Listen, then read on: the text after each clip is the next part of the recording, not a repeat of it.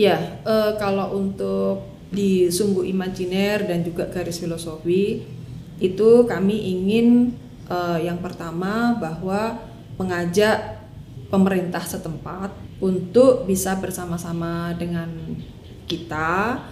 Jadi pembangunannya akan seperti apa, kemudian maknanya seperti apa, dikembalikan lagi seperti apa, seperti itu.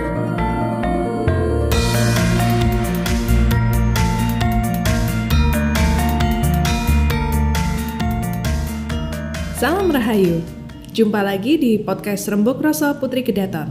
Kali ini saya, Hayu, mau ngobrol bareng Mbak Mangku dan Mbak Kirono tentang warisan budaya dunia yang berasal dari Indonesia. Plus usulan kepada UNESCO agar sumbu filosofi yang di Jogja menjadi bagian dari warisan budaya dunia. Ini nih yang kemudian jadi salah satu dasar untuk penataan kawasan dari Tugu, Malioboro, Kraton hingga Panggung Kerapia. Jadi jangan dilewatkan pembahasan kita kali ini. Halo Mbak Mangku, Mbak Kirono, apa kabar semuanya? Baik. Oke, selamat tahun baru Mbak. Semoga kita semua termasuk yang mendengarkan podcast Putri Kedaton selalu sehat dan diberi kelancaran untuk setiap aktivitasnya. Jadi tahun 2020 lalu kita tahu ada banyak penataan di kawasan Malioboro, Tugu, maupun alun-alun. Salah satu hal yang dijadikan dasar landasannya antara lain adalah usulan penetapan warisan budaya dunia oleh UNESCO. Nah, monggo Mbak-mbak boleh dijelaskan alasan dan informasi yang lebih lengkapnya. Mbak Mangku mungkin? Memang sejak tahun 2017 pemerintah daerah istimewa Yogyakarta mengajukan beberapa lokasi, beberapa area untuk dijadikan uh, apa namanya warisan budaya begitu. Hmm. Nah, garis filosofi itu ada dari Tugu sampai di Panggung Krapia. Hmm. Nah, itu yang memang garis filosofi yang sudah di apa ya dibuat oleh uh, Pangeran Mangkubumi atau Sinuwun Hamengkubuwono yang pertama gitu. Nah, selain daripada wilayah filosofi garis filosofi ini, mm-hmm. nah sebelumnya Indonesia itu ada sembilan yang sudah diakui di UNESCO gitu. Jadi yang lima lima itu bersifat kultural, kemudian yang empat itu natural. Jadi contohnya seperti kalau kultural itu kayak Candi Borobudur, Candi Prambanan, kemudian juga ada situs manusia purba yang di Sangiran, kemudian juga ada sistem subak yang ada di Bali, situs batu bara Ombilin di Sumatera Barat gitu ya. Nah, kalau yang bersifat e, natural itu yang memang e, alam ya, itu seperti Taman Nasional Komodo, kemudian juga di ujung kulon itu yang di Jawa Barat, kemudian Taman Lawrence yang ada di Papua, kemudian juga hutan hujan tropis di Sumatera. Nah, usulannya adalah Historical City Center of Yogyakarta. Itu yang tadi dari garis uh, filosofi. filosofi. Nah, kami sih menginginkan itu karena kan kita ada dua ya. Jadi Tugu sampai di Panggung itu garis filosofi. Mm-hmm. Kalau kita bicara Merapi sampai di Parangkusumo itu garis imajiner. Oh, gitu. Oke. Okay. Jadi mm. yang memang baik filosofinya, maknanya, kemudian juga tentunya juga ada harapan di garis imajiner dan juga filosofi itu. Nah, ini yang seharusnya masyarakat Jogja asli penduduk Jogja utamanya itu juga harus bisa memahami hal-hal seperti ini gitu. Tapi nggak hanya memahami, tapi juga menjaga. Menjaga. Gitu. Nah mungkin bisa bisa apa? Bisa nambahin sedikit ya. Uh, selain usulan apa? Untuk usulan warisan budaya dunia itu, juga sebenarnya ada amanat di Undang-Undang Keistimewaan tahun 2012. Okay. Nah, itu lalu dilanjutkan dengan adanya satu seperti Perdais nomor 1 tahun 2017 itu tentang pengelolaan dan pemanfaatan tanah kasultanan dan kadipaten. Kedua itu Perdais nomor 2 tahun 2017 tentang tata ruang. Nah, di episode sebelumnya kalau nggak salah kita kan pernah e, mendiskusikan tentang status tanah ke Prabon. Nah, itu tidak bisa diubah karena melihat faktor sejarah dan kegunaannya. Wilayah sumbu filosofi dari Tugu, Keraton, Panggung Krapyak seperti yang tadi kita ketahui dari Mbak Mangku itu merupakan zona ibu kota Kasultanan yang dulu disebut dengan Kuto Goro gitu. Jadi usaha-usaha penataan itu selain untuk usulan warisan budaya dunia juga sebenarnya sudah menjadi amanat dari undang-undang tersebut gitu. Nah, komitmen menjaga warisan tinggalan eyang-eyang para pendiri dan pembangun gitu jam. Oke, jadi kalau sekilas dari statementnya Mbak Mangku tadi kan usulan warisan budaya hmm. dunia ini juga melibatkan uh, Pemda ya. dan pusat. Usulannya juga sebenarnya udah mulai sejak 2017. Hmm. Jadi ini kan udah beberapa tahun nih Mbak. Kira-kira apa yang bikin prosesnya ini jalannya lama gitu? Atau memang harusnya bertahun-tahun prosesnya atau ini mulur atau gimana? Ya, uh, memang prosesnya ini bisa dibilang cukup panjang ya, karena kan ada tiga tahapan. Jadi mendaftar, kemudian dievaluasi, baru penetapan. Nah, pada saat pendaftaran sendiri itu kan juga bagaimana ini juga dari uh, pendampingan, baik dari DIY mengusulkan kan nih, kemudian pendampingannya itu juga tentunya dari nasional dan dari international advisory, bisa dari UNESCO juga. nah, kalau dari Provinsi DIY itu memang sejak awal kita memang minta gitu didampingi oleh uh, salah satu dari UNESCO agar sebenarnya bagaimana sih prosesnya supaya kita dari awal itu nggak salah gitu. Hmm.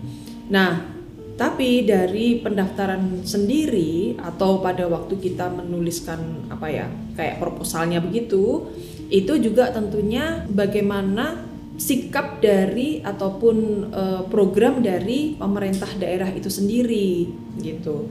Nah, pemerintah daerah sendiri juga selalu atau terkait dengan pemerintah yang ada di kabupaten kota yang terlewati dari baik garis filosofi yang diusulkan atau dari yang lebih panjang lagi nih dari garis imajiner itu sendiri gitu.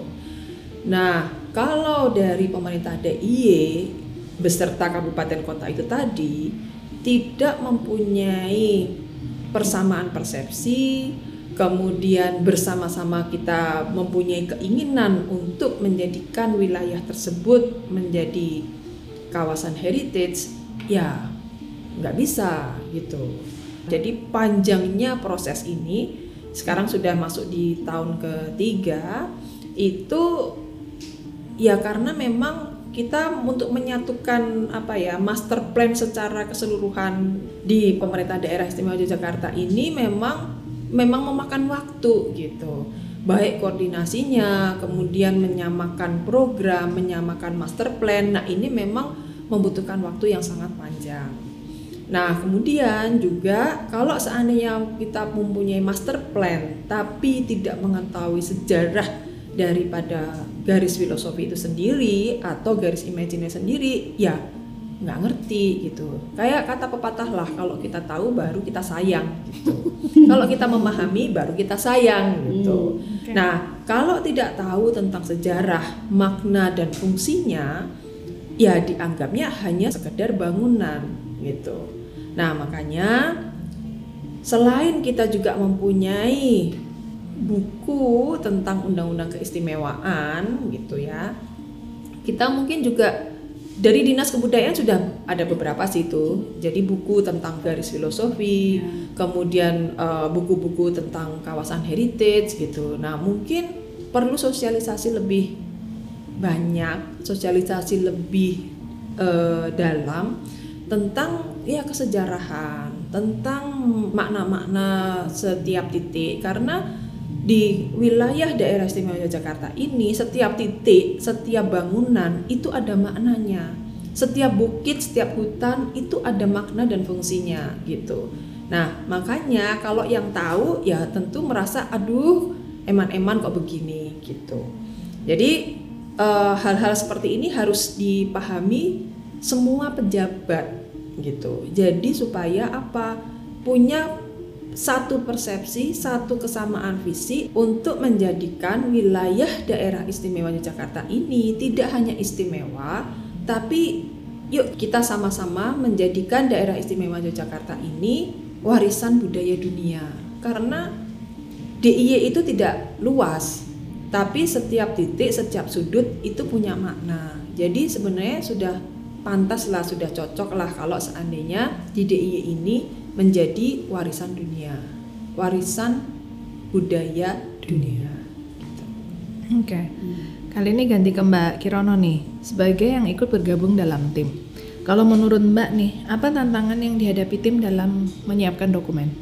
Ya memang eh, dokumen itu kan kita harus menyiapkan tuh sampai detail banget gitu loh. Nah terus untuk apa menulis dasar penataan ruang yang diusulkan, apa signifikasinya dan aktivitas budaya yang masih berlangsung hingga saat ini dengan apa rencana yang akan dilakukan di masa yang akan datang gitu. Nah, kalau untuk dasar-dasar tata ruang, tentu kita masuk dalam kriteria sebagai masterpiece of human creative genius gitu. Kita tahu eh, Eyang Sinuun eh, pertama atau Pangeran Mangkubumi itu menciptakan tata ruang yang menghubungkan bentang alam dari Gunung Merapi hingga Laut Selatan. Nah, filosofi-filosofi dan bangunan apa saja yang ada di atas kawasan nominasi itu kita tulis dan tidak lupa mengaitkan dengan fungsinya hingga saat ini. Misalnya nih ya, alun-alun untuk upacara gerbek dan masjid juga demikian, termasuk untuk sekaten. Nah, ini yang kita data dan kita tuliskan. Yang lebih sulit atau yang kadang-kadang menantang itu untuk menjelaskan rencana di masa depan uh, istilahnya seperti manajemen plan untuk kawasan Tugu, Malioboro, Pasar Beringharjo, Keraton, Taman Sari, hingga Panggung Krepek itu mau seperti apa. Nah, ini kan bukan sekedar kerja menulis dokumen ya, tapi juga melibatkan pertemuan, konsultasi dengan para stakeholder. Uh, Mbak Mangkubumi misalnya harus ketemu dengan para camat yang sekarang kita sebut dengan istilah penewu lalu lurah hingga tokoh masyarakat di lingkungan keraton. Karena penataan tempat parkir, alur wisata, perniagaan itu semua masuk penilaian apakah mendukung atau tidak terhadap upaya pelestarian budayanya. Gitu. Oke, ya ini paham sih kalau benar-benar kerja panjang. Jadi kayak misalnya kan kalau di sekitar keraton itu pohon-pohon beringinnya itu kan juga kalau istilahnya kalau di kalau ada yang tumbang itu kan uh, harus pembibitannya kan harus uh, tertentu kan nggak yeah. bisa nggak bisa sembarang beringin jumlahnya juga jumlahnya harus tertentu bisa dikurangi nggak bisa ditambah ya terus hmm. begitu juga pohon-pohon yang uh, dari sel apa utara ke selatan itu kan juga ada jenisnya yeah. kalau masyarakatnya nggak tahu tahu-tahu semuanya berubah jadi pohon mangga gitu kan hmm. jadi misalnya kayak tepas tondo yakti itu pernah uh, kita mau bikin artikel tentang apa tumbuh-tumbuhan yang ini yang bermakna hmm. ini. Jadi harusnya pohonnya itu kueni dan pakel. Begitu ditelusur sambil pada ngitungi jumlah pohon tuh kok wis tadi mana lagi semua. hmm. gitu. Jadi kayak gitu kan kalau masyarakat Jadi tahunya hanya mangga ya. Ha -ha, jadi kan kayak gitu kan kalau masyarakatnya atau pejabatnya sendiri kayak waktu itu yang renovasi terus tahu-tahu kita semua loh beringinnya ke mana? Mm-hmm. Nah, oh, ya, ya, ya, ya, ya, ya si itu, ya kayak gitu-gitu. Jadi ini memang melibatkan banyak pihak dan sensitif. Ya hmm. kadang kan urusannya juga menyangkut duit, gitu yeah. kan, dan penghidupan orang banyak. Ngarsa dalam sendiri boleh dibilang dalam beberapa kesempatan itu sudah menyampaikan agar proses usulan warisan budaya ini benar-benar dikawal serius. Nah, Mbak Mangku, dari arahan Ngerso Dalam atau selama proses itu, apa alasan mendasar untuk Yogyakarta itu ikut dalam proses usulan itu? Iya, uh, seperti tadi saya sampaikan bahwa di daerah istimewa Yogyakarta ini kan penuh dengan filosofi. Jadi dulu zaman uh, yang Sinuun pertama itu kan ya mengisi Yogyakarta ini dengan simbol-simbol dan juga filosofi yang sangat luar biasa gitu. Nah, kenapa Jogja juga ikut mengusulkan? Karena memang ya jadi kita sebagai generasi uh, berikutnya ini itu yang kita mempunyai tugas untuk menjaga, merawat dan melestarikan. Tidak lebih, tidak kurang gitu. Jadi ya PR kita tiga itu, tapi ternyata dengan tiga itu itu banyak sekali yang harus uh, kita kerjakan. Jadi contoh kayak fisik, orang ataupun masyarakat di Jogja ini ya harus paham Merapi itu bagaimana, Tugu itu apa sejarahnya dan fungsinya. Kemudian di keraton sendiri, kemudian eh, apa panggung Grapia, belum lagi Parangkusumo. Kemudian juga Ayahan di keraton, ya kan? yang sekaten tapi yang justru malah orang pahami adalah pasar malamnya daripada hmm. sekatennya. Hmm. Nah, hal-hal ini kan harus memang diedukasi gitu. Diedukasi agar masyarakat memang benar-benar paham. Jadi kalau paham itu pasti saya percayalah kalau mereka mengerti, memahami, mereka pasti akan menjaga gitu.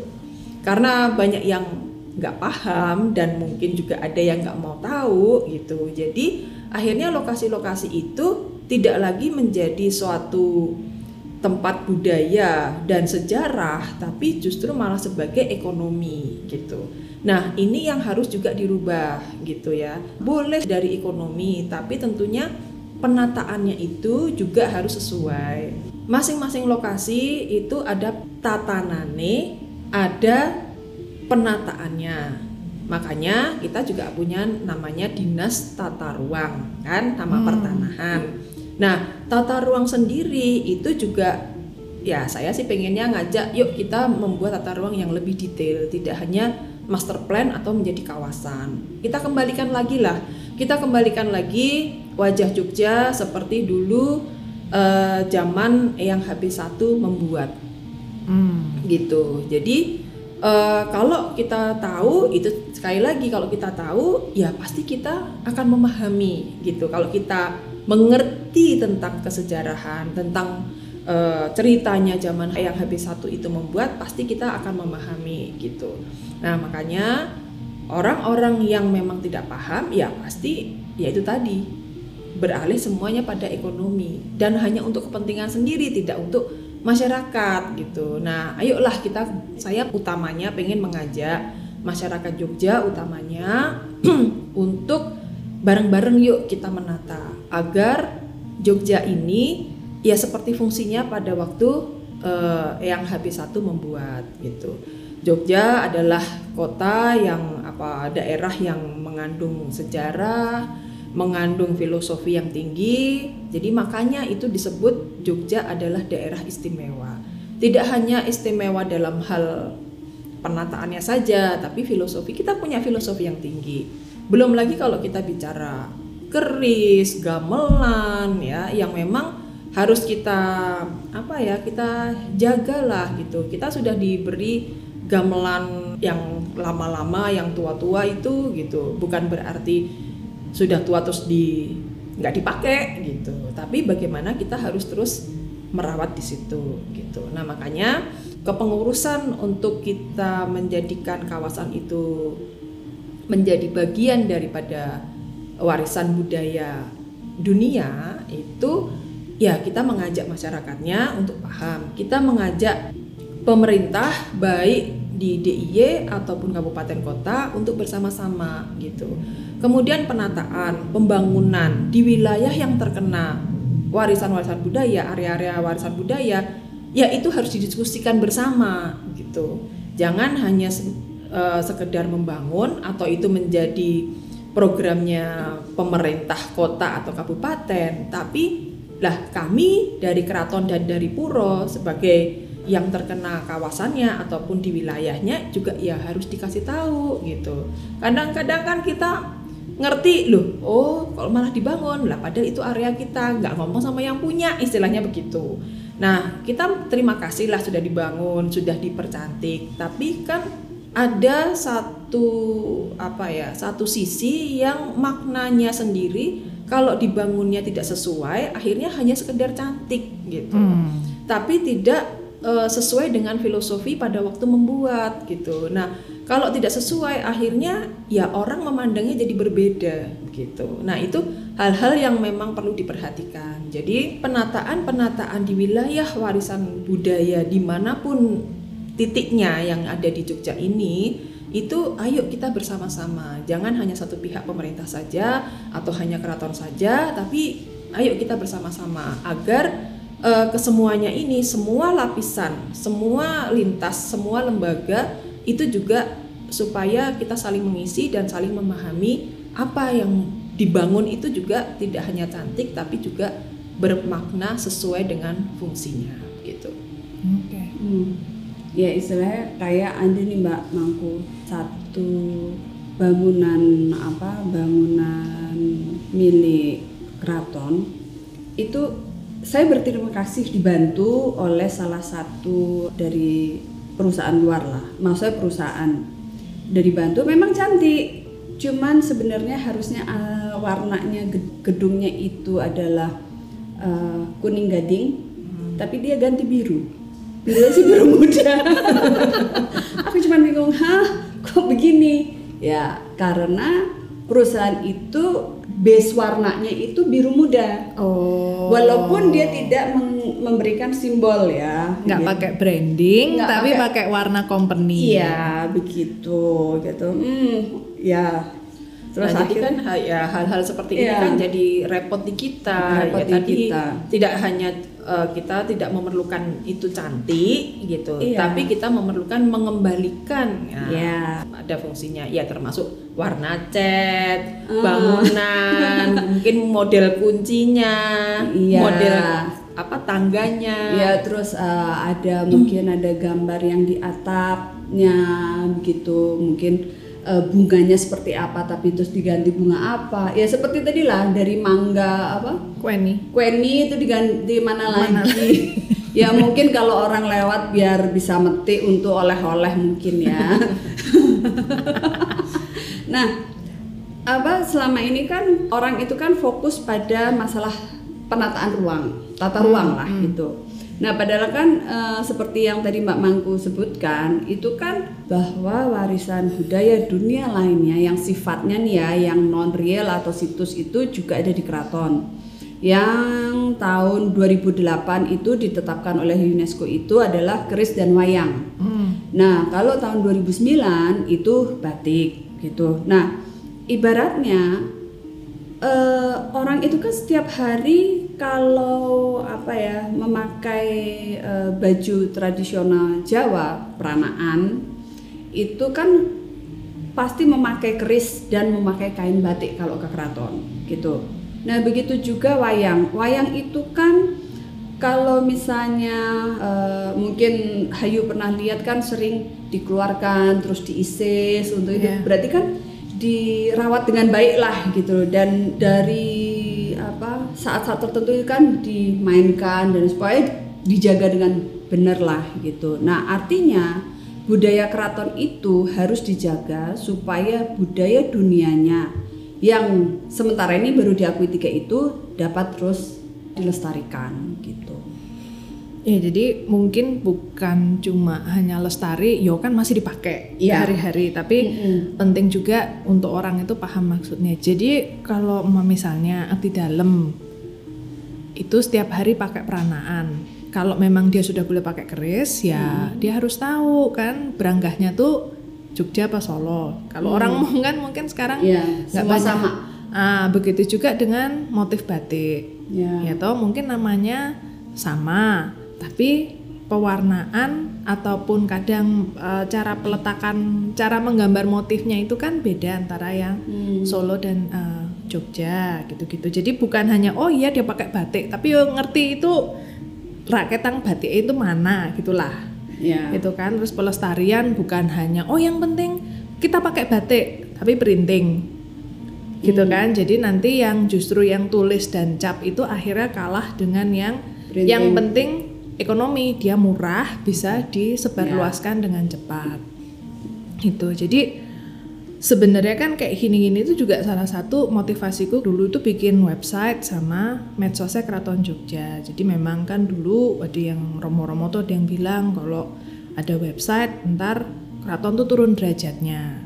Padahal kan tujuannya ya supaya orang itu paham gitu kan yang bener ki opo. Jadi bukan cuma hal-hal yang mistis tok yang beredar dari satu grup WA ke grup WA yang lain gitu kan. Tapi makanya kalau misalnya terus tidak disebarkan informasinya kan gimana orang bisa paham nggak ya nanti kayak masalah pohon kueni tadi itu ya bukan hanya itu lagi ntar Iya. pohon beringinnya yang bos jadi pohon apa itu kan Eh, sekarang yang baru mahal pohon apa ya?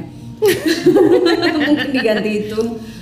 nah jadi aku juga percaya kalau orang itu paham maka dengan sendirinya dia akan ikut jaga gitu kan Secara tidak langsung eh, website atau istilah sosial media keraton itu juga mengedukasi eh, masyarakat ya, menginformasikan gitu. jadi kan kalau memang karena budaya Jawa itu kan penuh simbolis Ya. Makanya jadi arsitektur itu dari segi ukiran, warna, letak itu pun pasti penuh dengan simbol gitu kan. Makanya itu tadi kuning gading tahu-tahu dari biru biru. ya. Ya itu akan kehilangan sebagian dari uh, filosofinya sendiri. Ah ya dah, berikutnya nih. Jadi kalau ke depan di untuk tata ruang di wilayah semu filosofi gitu mau ada rencana seperti apa atau rencana umumnya untuk mendukung usulan ini gitu kalau bisa ngasih-ngasih bocoran gitu Mak Mangku mungkin Ya, eh, kalau untuk di sumbu imajiner dan juga garis filosofi itu kami ingin eh, yang pertama bahwa mengajak pemerintah setempat untuk bisa bersama-sama dengan kita. Jadi pembangunannya akan seperti apa, kemudian maknanya seperti apa, dikembalikan lagi seperti apa, seperti itu dengan kebersamaan itu jadi kita sekali lagi kita saling mengisi dan saling memahami gitu tetap kita punya keinginan bahwa daerah istimewa Yogyakarta ini menjadi warisan budaya dunia gitu kami eh, bukan berarti untuk apa ya sok-sokan begitu enggak gitu tapi kami lebih menginginkan agar masyarakatnya yang di daerah istimewa Yogyakarta ini bisa memahami dan bersama-sama dengan kita menjaga dan melestarikan. Karena wilayah-wilayah warisan budaya tersebut sudah ada yang memang bangunan, tapi ada juga yang banyak juga sih yang masih juga ada operasionalnya gitu. Ada operasionalnya begitu. Jadi masih difungsikan gitu. Nah, eh, tentunya usulan-usulan yang wong apa namanya kita mengusulkan garis filosofi aja ada 22 titik uh, kawasan uh, warisan budaya yang memang itu harus difungsikan kemudian ditata gitu agar satu garis itu kembali bisa uh, diusulkan ke oh UNESCO begitu. Jadi kalau kita tidak tertata karena kan yang paling penting adalah pengendalian pembangunan di wilayah sekitar kawasan warisan budaya itu tersebut. Kalau pembangunannya tidak bisa dikendalikan, ya akan mengganggu kawasan tersebut Iya. Dan kita akan kesulitan untuk mendapatkan status nah, status dari UNESCO untuk kita mengapresiasi kawasan-kawasan tersebut gitu. Jadi tentunya nah kami bersama-sama lah baik dari keraton, dari puro, dari pemerintah DIY, pemerintah kabupaten kota dan masyarakat yang ada di sekitarnya, yuk kita bersama-sama bisa menjaga dengan mengetahui dulu, mengetahui sejarahnya, maknanya dan sebagainya. Nah, mungkin dari Tondo Yekti juga bisa nih bagian dari mensosialisasikan, mengedukasi gitu ya, lebih luas lagi agar eh, masyarakat ngerti. Contoh di kawasan Merapi dan di kawasan Parangkusumo. Kita setiap tahun ada ayahan ya ada upacara tradisional setiap tahun gitu di situ. Tapi apa? Justru dua kawasan ini yang rusak. Hmm. Penataan tidak maksimal gitu. Seenak-enaknya aja orang ya itu tadi tidak menjaga dalam budaya tapi memfungsikan sebagai ekonomi. Lah, terus gimana? Padahal dua tempat ini paling utama lah kita ini apa namanya untuk uh, ayahan di keraton ini, tapi justru jelek, rusak kawasannya. Nah, ini bagaimana peran dari pemerintah gitu untuk ayo bersama-sama dengan kami gitu. Belum lagi Tugu. Oke, Tugu sekarang direnovasi cantik gitu. Tapi maknanya apa dengan ada bulat-bulat di sekitar itu? Gitu loh. Kan nggak bisa. Tugu itu bukan hanya bangunan tugu, tapi itu ah. adalah garis eh, apa simbol dari manusia bersatunya dengan kita menghadap Tuhan. Lah kenapa ada kursi-kursi di situ? Orang-orang banyak yang berkumpul di situ. Ayolah kita e, mengapresiasi, kita menjaga tugu itu berarti sebenarnya itu nggak boleh nggak usah bulat ya tapi segitiga gitu ya mbak apanya segitiga yang bulat kursinya enggak bukan jadi kan ini jadi salah, tidak boleh. jadi di situ kan Itulah. kan berarti maksudnya ya itu tadi jadi itu jadi merubah karena si tugu itu sendiri kan sudah penuh dengan istilahnya itu udah ada maknanya. Nah, nah itu mungkin niatnya kan yaitu untuk pemisah kayak itu toh trotoar itu toh. Yeah. Jadi untuk penghalang mobil terus iya. orang bisa duduk. Tapi kan itu salah satu uh, istilahnya pengerjaan yang jadi mengubah makna dari merubah makna gitu ya. loh itu kan simbol kita menghadap ke Tuhan loh ya. gitu loh nah kenapa pembangunan jadi seperti ini kemudian juga kalau dari tata ruangnya di Tugu itu itu kan persimpangan yang apa ya rame gitu hmm. loh nah kalau terus ada bulat-bulat itu kemudian Encourage orang untuk duduk orang-orang duduk nah ini bahaya terhadap uh, apa lalu lintas itu juga bagaimana ya. gitu loh. Nah, ini kan hal-hal yang perlu di, diperhatikan gitu loh. Aku pernah sih, jadi itu kan mirip sama yang di titik nol toh. Jadi waktu itu kan aku mau dari arah Taman Pintar itu, ceritanya kan mau ke selatan. Mm -hmm. Nah ternyata orang wisatawan itu pada aku tuh sampai aku sampai bingung ini sebenarnya trotoar segede itu tuh untuk apa gitu loh. Jadi dia itu mau fotonya duduk di situ, mm-hmm. tapi backgroundnya itu kantor pos. Mm-hmm. Jenius dong yang motret itu dari tengah-tengah jalan, jalan.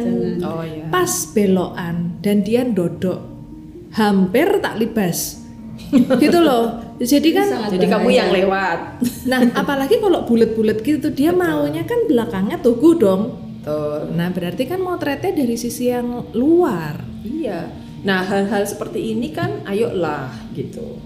Kemudian belum lagi kita bicara jalan tol. Apa iya gitu Jogja Panjang ada jalan tol ceritanya. gitu. Nah, itu ya memang harus apa ya? Ya karena itu tadi Jogja dibangun dengan filosofi yang tinggi hmm. gitu.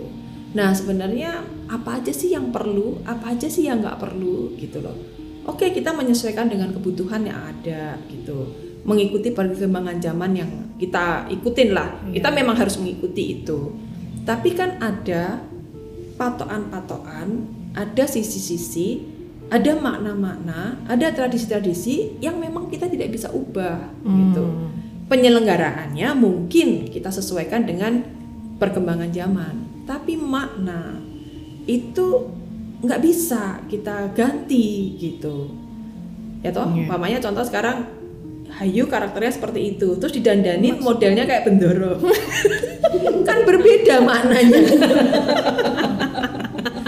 pokoknya ini kita membahas orang yang tidak ada di podcast ini. Ya contoh kayak tadi cat gitu. Keraton itu ya hijau kuning ya nggak yeah. mungkin toh. Terus kita kuningnya aja kan juga kuning spesifik. emas spesifik. hijaunya juga kan spesifik. juga nggak mungkin kita ganti biru. Biru sudah ada yang punya di keraton Solo yeah. ya kan?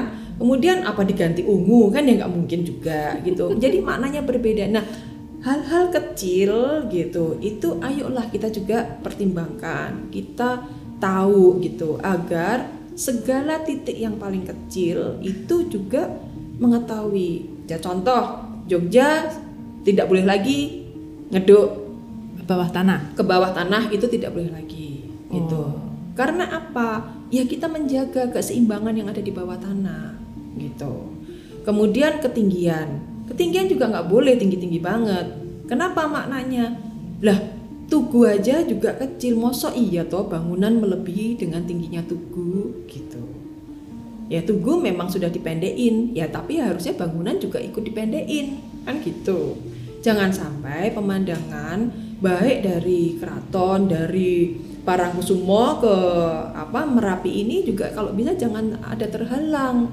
Karena itu bagian dari ya filosofi ini filosofi tinggi yang harus kita ketahui maknanya gitu itu nah mungkin tadi tadi Tondo Yakti perlu mengedukasi lagi mensosialisasikan lagi apa maknanya gitu Kalau dulu apa sih salah satu ya, aku nggak tahu benar. Jadi maksudnya kayak gini kan bukan hanya terjadi sekarang. Jadi kalau dulu tuh kita pernah yang di Tondoyak itu eh, antara rembukan atau gosip-gosip tuh beda tipis lah.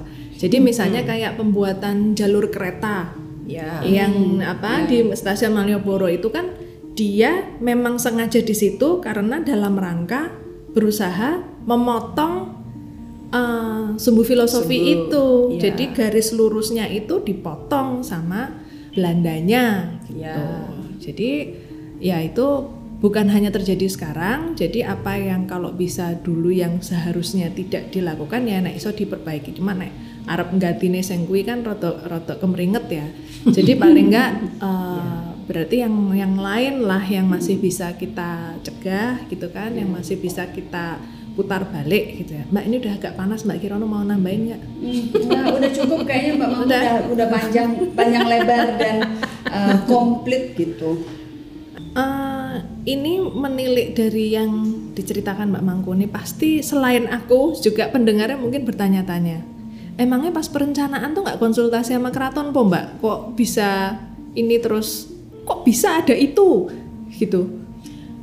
Ya, mungkin eh, ada bagian-bagian yang mereka menanyakan gitu. Hmm. Nah, cuma yang ditanyakan itu kepada siapa? I Mereka see. bertanyanya itu kepada siapa? Mungkin yang pas ditanya itu juga pemahamannya berbeda gitu. Ya, kalau kami itu kan dikasih tugas sama Ngso Dalem untuk benar-benar eh, mengembalikan lah, mengembalikan eh, wajah Jogja ini seperti dulu pada waktu yang Sinuwun pertama membuat gitu. Agar apa? Agar masyarakat itu lebih menghargai, lebih memahami dan juga tentunya dengan itu semua ya bisa menjaga gitu. Oke, nggak kalau ini sih aku ngerti sih. Jadi kadang itu kan aku juga beberapa kali menemui sih ketika kita bikin tulisan untuk medsos gitu misalnya. Kita kan harus dari Tondo Yakti sendiri memilih sangat hati-hati narasumber itu harus yang kompeten. Betul. Karena kan kadang masyarakat itu ngelihat oh dia abdi dalam, oh dia orang keraton. Tapi yang tidak disadari adalah bahwa abdi dalam itu mungkin kayak diumpamakan sama PNS gitu. Jadi kalau dia dari dinas keuangan ya jangan ditanya masalah perhutanan kan gitu. Kalau di keraton kan masih ada Iya. seperti itu. Nah orang itu kan kadang menganggapnya satu abdi dalam dia tahu semua Mengerti semuanya. gitu. Nah, jadi mungkin berarti ini untuk memperjelas kata-katanya Mbak Mangku yang kami di Pasrai Ngarso Dalem itu definisinya siapa? Mbak Mangku. Bukan kita berlima ya. ya, enggak, tapi Mungkin kan gini, enggak karena sekarang kan sekarang kan udah satu pintu. Jadi kalau misalnya ada apa-apa, ya kan, satu pintu aja ke Panitro Puro. Nah nanti dari Panitro Puro aku mendisposisi ke bawah. ya berarti kan kayak perencanaan Iya. itu harus melewati Panitro Puro. Iya. Perkara Panitro Puro mendisposisi ke siapa? Iya. Ya kami lebih ke ini sih kalau seandainya ada perencanaan baik PU ataupun dinas kebudayaan eh, apa namanya membuat suatu perencanaan eh, pembangunan gitu tolong kami juga diajak diskusi gitu karena ya kami juga memahami tidak semua pegawai negeri atau apa namanya ASN yang ada di pemerintah itu bisa memahami semua gitu Iya. karena tadi itu ya mereka tahunya bagaimana bangunan itu menjadi cantik gitu. Sedangkan kita dari sisi kita dari sisi keraton dan puro mungkin ya itu juga sisi loh maknanya aja dirubah kan gitu. Berarti harus sama pener dan bener. Ya gitu. Oke Mbak, ini ah, nggak kerasan ya agak agak anget gitu jadi ngobrolnya udah lama jadi satu hal yang dapat dipelajari bersama jadi pelestarian warisan budaya itu butuh dukungan dan dapat dilakukan oleh berbagai pihak. Karena kan yang dari keraton butuh uh, Pemda dan masyarakat begitu juga yang lain itu juga butuh keraton gitu kan nggak bisa jalan sendiri. Yang pasti komitmennya untuk menjaga agar budaya adiluhung yang diwariskan oleh para leluhur itu yang dianggap sebagai masterpiece of human creative genius ini bisa terus terjaga. Matur nuwun Mbak Mangku dan Mbak Kirono sudah berbagi bersama lagi. Harapan Mbak tentang pelestarian kebudayaan keraton di masyarakat semoga terus terwujud. Sampai jumpa di episode Rembuk Rosso selanjutnya. Para!